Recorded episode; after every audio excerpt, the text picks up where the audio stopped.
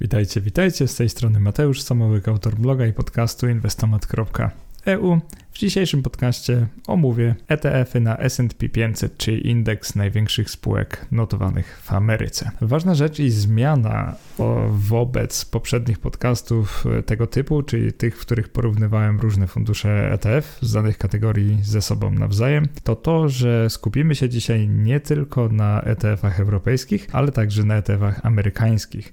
Skąd ta zmiana podejścia u mnie? Przede wszystkim stąd, że od dobrych kilku miesięcy sam korzystam z usług amerykańskiego brokera, mowa tu o First Trade i dzięki First Trade mogę inwestować w amerykańskie fundusze ETF, także w mojej, nazwijmy to, sferze zainteresowań pojawiły się także fundusze amerykańskie, które, jak zresztą zaraz zobaczycie, często wygrywają wynikami czy też opodatkowaniem z funduszami europejskimi, ale zaraz też zobaczycie, że fundusze europejskie niekoniecznie są gorsze od amerykańskich, zwłaszcza, że na przykład te syntetyczne są w stanie ominąć pewne mankamenty, które dotyczą fizycznych funduszy ETF e, rezydujących w Europie, no ale do tego zaraz dojdziemy. Teraz, czym w ogóle jest indeks S&P 500? Dla tych, którzy nie wiedzą, jest to przede wszystkim, wydaje mi się, że najbardziej popularny indeks na świecie, najpopularniejszy indeks na świecie, 500 największych spółek notowanych na największym rynku świata. Wiele osób zauważyło zapewne, że S&P 500 e, pokrywa się w dużej mierze na przykład z e, indeksami MSCI ASWI czy MSCI World, czyli tymi na cały świat oraz na tylko rynki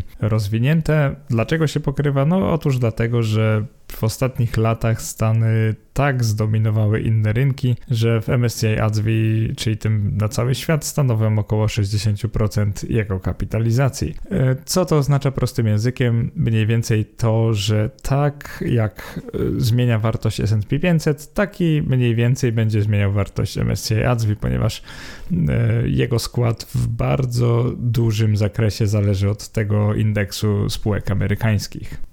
Zaczynamy zatem od bardzo ważnego pytania, którym jest, dlaczego ktoś miałby w ogóle inwestować w ETF na sam indeks SP 500, skoro jak wiemy już z historii inwestowania znacznie rozsądniej jest posiadać akcje z całego świata, nie tylko z jednego kraju, nawet jeżeli to jest światowy hegemon taki jak Stany Zjednoczone. Odpowiedź jest prosta, dla realizacji niektórych strategii lepiej odpowiadają ETF-y na samo USA. Przede wszystkim dlatego, że są one zwykle o wiele tańsze od funduszy zbiorczych. Dla przykładu kosztują one 500 lub 700% rocznie wobec właśnie tych zbiorczych, tak jak mówiłem wcześniej, czyli przykład MSCI World i ASWI, które często kosztują 16 20, 24 setne rocznie lub więcej. W dzisiejszym podcaście przedstawię wobec tego najlepsze fundusze ETF na akcje amerykańskie, tym razem analizując zarówno ETF europejskie, jak i te rezydujące w Ameryce, co tak jak już wcześniej mówiłem, będzie sporą nowinką. Zacznijmy zatem od funduszy europejskich typu accumulating, czyli tych, które nie wypłacają dywidend, a zamiast tego gromadzą je, czyli kupują za nie więcej akcji, przez co ich wartość rośnie szybciej od tych typu wypłacającego. Wśród europejskich funduszy ETF na indeks S&P 500 znajduje się obecnie aż 12 niewypłacających dywidend, czyli naprawdę sporo, z czego dwa zostały utworzone bardzo niedawno, bo dopiero w 2022 roku. Choć w porównaniu bierze udział cała dwunastka, to najnowsze fundusze nie otrzymają not za przeszłe wyniki, czyli tracking difference za ostatnie 3 lata, ponieważ jeszcze nie mają wystarczająco bogatej historii, by w ogóle móc ją oceniać. Spośród 10 liczących się tutaj funduszy, wszystkie mają wartość aktywów wystarczająco wysoką, by nazwać je płynnymi i prostymi do zakupu na każdej giełdzie. Bystry obserwator od razu zauważy, że na 12 funduszy aż 8 cechuje replikacja syntetyczna, która pozwala im uzyskać lepsze wyniki od fizycznych wariantów ETF-ów na S&P 500. Dlaczego syntetyczne fundusze zdecydowanie wygrywają pod kątem historycznych wyników, to już jest kwestia sposobu opodatkowania dywidend na pierwszym poziomie. Jeżeli pamiętacie wpis ETF 5 na 6, który swoją drogą, jeżeli chodzi o wpisy i podcasty na moim blogu, jest prawdziwą legendą. Myślę, że to jest najczęściej cytowany e, wpis ze wszystkich, które ukazały się dotychczas na moim blogu. Jeżeli chodzi o ETF-y syntetyczne, dzięki temu, że nie posiadają one akcji amerykańskich, czyli europejskie fundusze nie posiadają akcji amerykańskich, a zamiast tego kupują po prostu kontrakt swap z amerykańską instytucją po drugiej stronie, która prawdopodobnie posiada te akcje amerykańskie, bo musi jakoś replikować ich e, stopę zwrotu, to europejskie fundusze nie są obiektem opodatkowania, że tak powiem, nie podlegają temu opodatkowaniu źródła, które wynosi teraz 15%, dzięki czemu mogą w pewnym sensie oszukać organy podatkowe. Oczywiście to nie jest żadne oszustwo, tylko oszukać w cudzysłowie, uzyskując takie wyniki, jakby rezydowały w Ameryce, mimo że nie rezydują w Ameryce. To jest bardzo ciekawe, ale dzięki temu właśnie udaje się im wszystkim praktycznie mieć tracking difference, czyli różnicę wzorowania niższą od zera, co oznacza oczywiście, że pobijają one indeks, który mają replikować. Jak tylko spojrzymy na tabelę, to zobaczymy, że jeden fundusz ETF a dokładniej iShares Core S&P 500 UCITS ETF znacząco pobija wszystkie inne pod względem wysokości aktywów. Wynoszą one przynajmniej obecnie około 55 miliardów dolarów, co jak na europejskie fundusze ETF jest wielkością bardzo wysoką. Dodam też, że to jest największy obecnie europejski ETF dla tych, którzy są zainteresowani. Jeżeli chodzi o resztę, to duże są też ETF-y od Invesco, Xtrackers i Vanguarda, wszystkie na S&P 500, wszystkie typu accumulating. Z tej czwórki fizyczną replikację ma tylko pierwszy i czwarty, czyli iShares i Vanguard. Invesco i Xtrackers postawili na replikację syntetyczną tak naprawdę prawie cała reszta rankingu z tych funduszy, które będziemy liczyć, czyli z tych, które posiadają przynajmniej 1 miliard dolarów aktywów, to ETF-y syntetyczne, co też może być tutaj sporą ciekawostką. Także jesteśmy zdominowani przez ETF-y syntetyczne. Pod względem opłat bieżących czy opłat rocznych, jak wolicie, zdecydowanie wygrywają tutaj fundusze e, X-Trackers, Vanguard, iShares, Invesco. Natomiast X-Trackers, ten nowy o replikacji fizycznej, ponieważ ten istniejący od wielu lat o replikacji syntetycznej ma koszty na poziomie 15% rocznie. Teraz, co to oznacza tani fundusz ETF na S&P 500? Powiedziałbym, że coś w rodzaju opłaty rocznej w wysokości 0,05%, czyli naprawdę niskiej opłaty. Jeżeli chodzi o różnicę wzorowania, tak jak już wcześniej mówiłem, z jednej strony ETF-y syntetyczne i tak mają bardzo dobrą, ponieważ na przykład minus 2 dziesiąte procenta albo minus 23%. Natomiast ETF-y syntetyczne biją je na głowę i każdy jest lepszy od indeksu przynajmniej o pół punktu procentowego w każdym z ostatnich trzech lat. Czyli wyniki są naprawdę spektakularne, bardzo dobre i ciężko je do nich przyczepić. Głównie dlatego, że te ETF-y nie muszą kupować fizycznie akcji amerykańskich, a więc gdy te, gdy spółki oczywiście amerykańskie wypłacają im dywidendy, to na miejscu nie jest zatrzymywane to 15%, tak jak w przypadku, gdyby posiadały one te akcje. Jeżeli chodzi o czas istnienia, to jest to też bardzo dobrze, ponieważ większość z tych funduszy istnieje przynajmniej od kilku lat. Tak naprawdę najnowsze są tylko dwa ostatnie, które i tak nie wejdą do porównania, bo jeszcze nie zbadaliśmy wyników, oraz y, kilka, na przykład iShares na bazie swap, ponieważ iShares w roku 2020 dodał do swojej oferty y, także ETF syntetyczny. Y, Amundi ma fundusze w dwóch wersjach, także o replikacji syntetycznej od roku 2018, a poza tym wszystkie istnieją od roku 2014 lub nawet dłużej. Jeżeli chodzi o dostępność ETF-ów accumulating na S&P 500, to jest tu tak sobie bym powiedział. Przede wszystkim no, dostępność giełdowa jest niezła, ponieważ większość z tych funduszy znajdziemy albo na frankfurskiej Xetrze, albo na londyńskiej London Stock Exchange, więc tu nie jest źle, jeżeli chodzi o giełdy, natomiast jest trochę gorzej, jeżeli chodzi o polskich maklerów. U większości z nich kupimy przynajmniej dwa z tej podstawowej czwórki, czyli z czterech największych ETF-ów, natomiast jeżeli chodzi o te mniejsze, to tak naprawdę nie dostaniemy ich praktycznie nigdzie. Powiedziałbym, że szkoda, ale jak zaraz zobaczycie ranking, to dowiecie się, że nie do końca szkoda, ponieważ te najlepsze można kupić w polskich biurach i domach maklerskich, czyli nie jest tak źle. Przechodząc do rankingu, zwycięzcą, co może niektórych bardzo zdziwić, jest fundusz Invesco S&P 500 UCITS ETF. Dlaczego jest zwycięzcą? Mimo, że nie jest największy, mimo, że nie jest najstarszy, no przede wszystkim dlatego, że ma bardzo dobre wyniki. To jest świetny kompromis między długością istnienia, czyli też od 12 lat, między wielkością, która co prawda mniejsza kilkukrotnie od tego giganta iShares, to dalej jest naprawdę pokaźna, ponieważ kilkanaście miliardów dolarów, jak na europejskie ETF, jest to bardzo, to bardzo dużo. Do tego dorzucamy najniższe koszty roczne wśród w ogóle znanych mi funduszy ETF w Europie, bo to jest to 500%, nie licząc oczywiście Xetra Gold, które ma legendarny, bardzo niski 0% TER. I dodajemy do tego różnicę odzorowania, która jest naprawdę niezła, ponieważ te wyniki, które co roku pobijają indeks o 50 setnych procenta, punktu procentowego, to jest naprawdę coś niesamowitego w długim okresie, bo no, wyobraźcie sobie, że macie indeks, a nawet lepiej, czyli jest to darmowy fundusz, który pobija stopę zwrotu indeksu i tak naprawdę czego chcieć więcej. Na drugim miejscu znalazł się oczywiście iShares Score S&P 500 UCITS ETF. Jest to bardzo porządny fundusz. Replikacja fizyczna, jeżeli ktoś preferuje największy fundusz ETF w Europie, także jest bardzo płynny, niskie koszty roczne, przynajmniej na papierze. Różnica wzorowania już trochę gorsza, dalej ujemna, ale jednak no, fizyczny ETF tego rodzaju nie może pobić syntetycznych, po prostu nie ma szans. Istnieje także od wielu, wielu lat, 12, więc znalazł się oczko niżej. No i na trzecim miejscu mamy Extra Trackers S&P 500 Swap Usage, także ETF syntetyczny. Tak naprawdę podobne walory co ETF od Invesco, natomiast jest od niego trochę gorszy. Na papierze ma wyższe koszty roczne, jest trochę mniejszy, a poza tym wygląda bardzo, ale to bardzo podobnie. Teraz przechodzimy do ETF-ów distributing, czyli tych, które wypłacają dywidendy. I tu też jest ciekawe, ponieważ połowa z nich jest e, typu syntetycznego. Wydaje mi się, że większość inwestorów myśli, że żeby ETF mógł wypłacać dywidendy, musi być on rodzaju fizycznego, bo tak jak sobie wyobrażamy ETF-y, no to jak ETF posiada spółki, a te spółki płacą mu dywidendy, to oczywiście on ma co później wypłacić inwestorom, y, którzy posiadają jego jednostki czy też certyfikaty.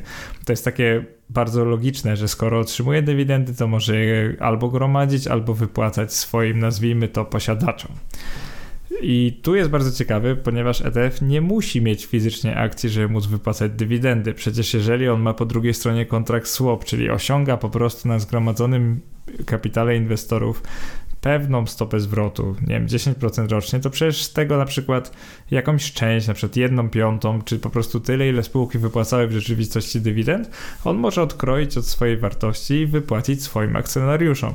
Czyli raz na zawsze zapamiętajmy, że nic nie stoi na przeszkodzie, żeby ETF syntetyczny wypłacał dywidendy. To są dwie zupełnie różne rzeczy i tak naprawdę można prowadzić taki fundusz, który wypłaca dywidendy, jak tutaj zresztą sami widzicie. Mamy 10 funduszy, czyli trochę mniej niż w przypadku accumulating. Pod względem wielkości zdecydowanie wygrywa Vanguard S&P 500, który ma też bardzo pokaźną wielkość aktywów, jest to 30 ponad miliardów dolarów, bardzo dużo jak na europejskie fundusze.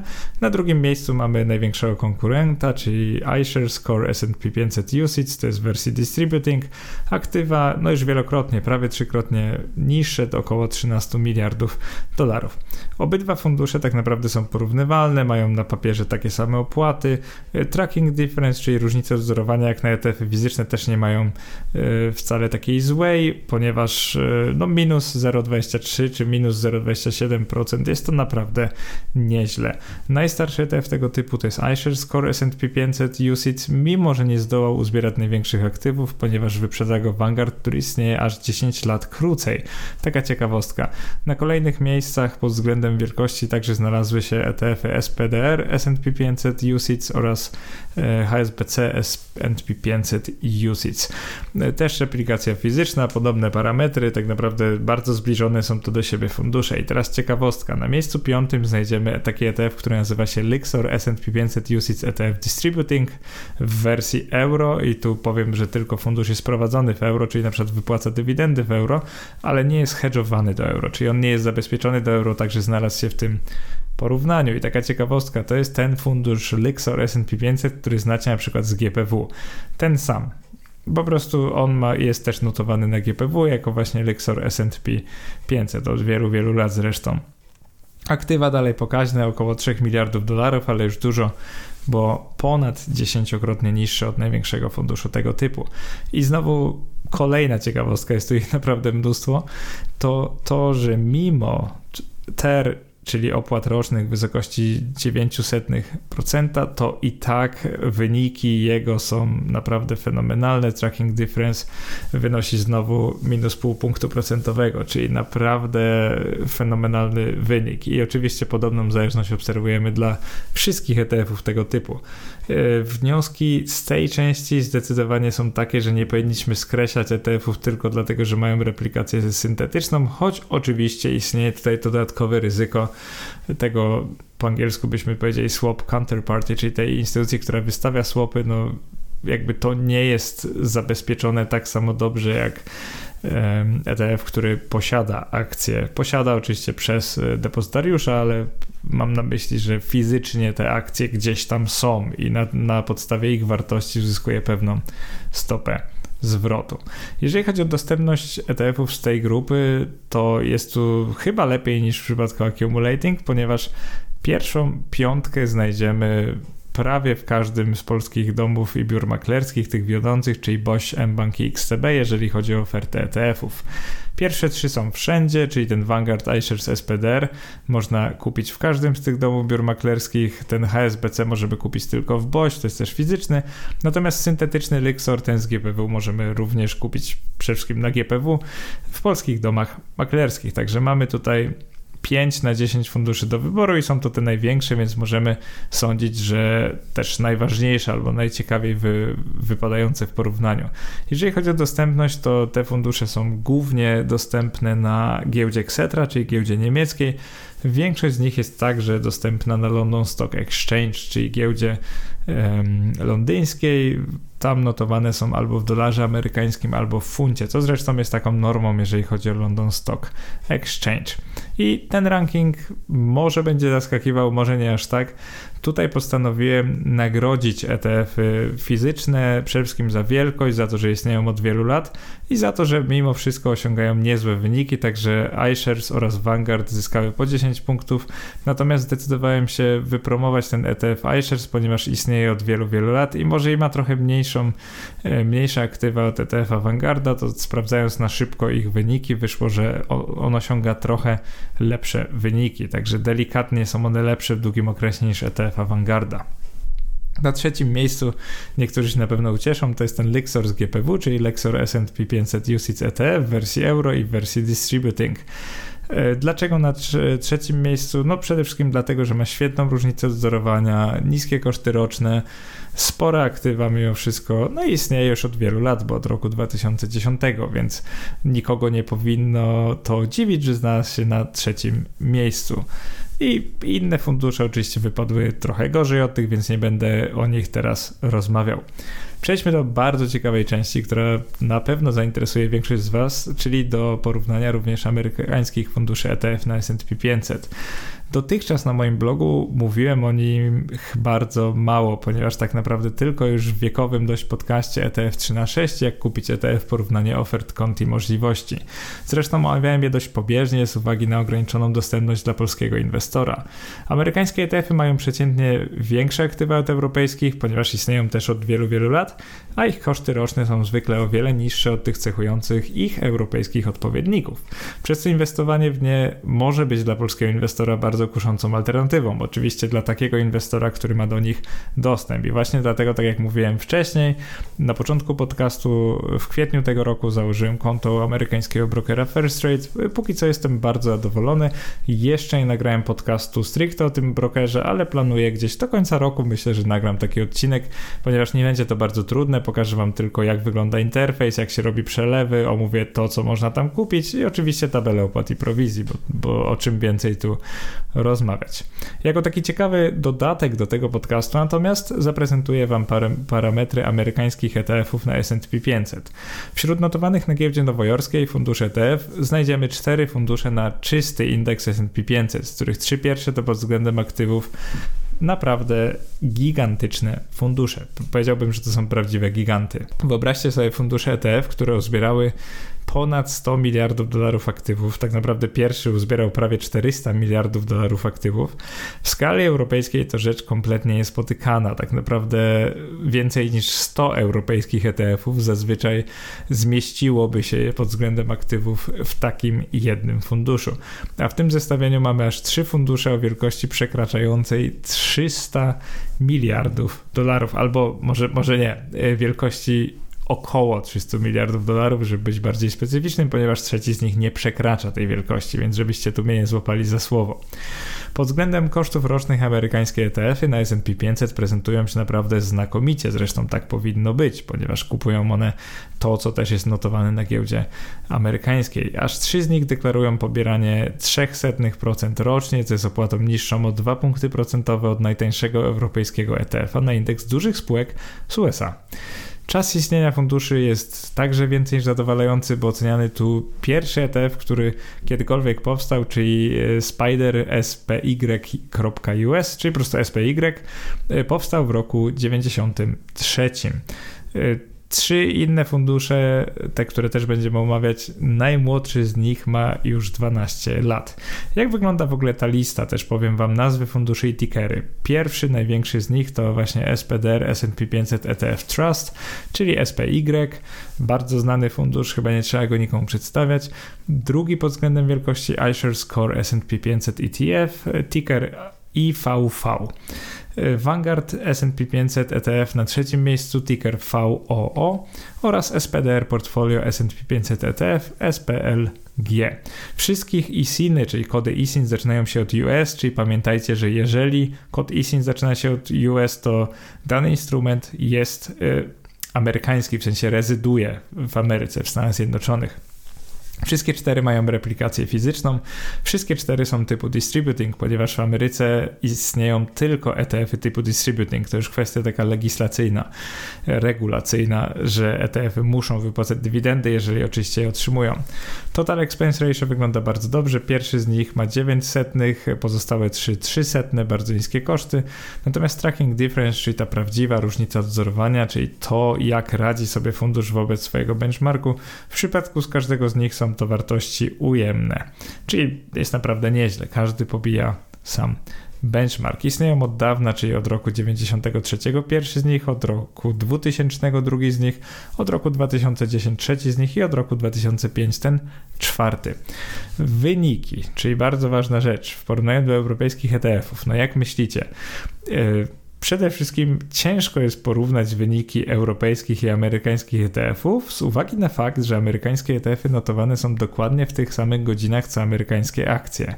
I Pamiętajcie, że europejskie ETF-y mają tutaj e, tę wadę, że owszem, e, dzień notowań w Europie kończy się mniej więcej wtedy, kiedy zaczyna w Ameryce, ale pamiętajcie, że pod koniec dnia tak, tak naprawdę koniec dnia dla danych giełd jest zupełnie inny, więc te stopy zwrotu naturalnie będą się różnić. Nawet jeżeli weźmiemy cały rok, to stopy zwrotu z ETF-ów amerykańskich na to samo, co w co inwestują ETF europejskie, zawsze będą się trochę różnić. Mimo wszystko zdecydowałem się tutaj na potrzeby tego podcastu skorzystać z danych ze stoku.pl i zestawiając ze sobą ich roczne stopy zwrotu, które uwzględniają także dywidendy. Także traktujemy wszystkie cztery fundusze tak, jakby były typu akumulującego, a niekoniecznie są, zwłaszcza te amerykańskie, bo przecież nie mogą być tego typu. Wyniki porównania są trochę dziwaczne, tak jak mówiłem, ponieważ w latach 2017-2020 dominują fundusze amerykańskie, a w roku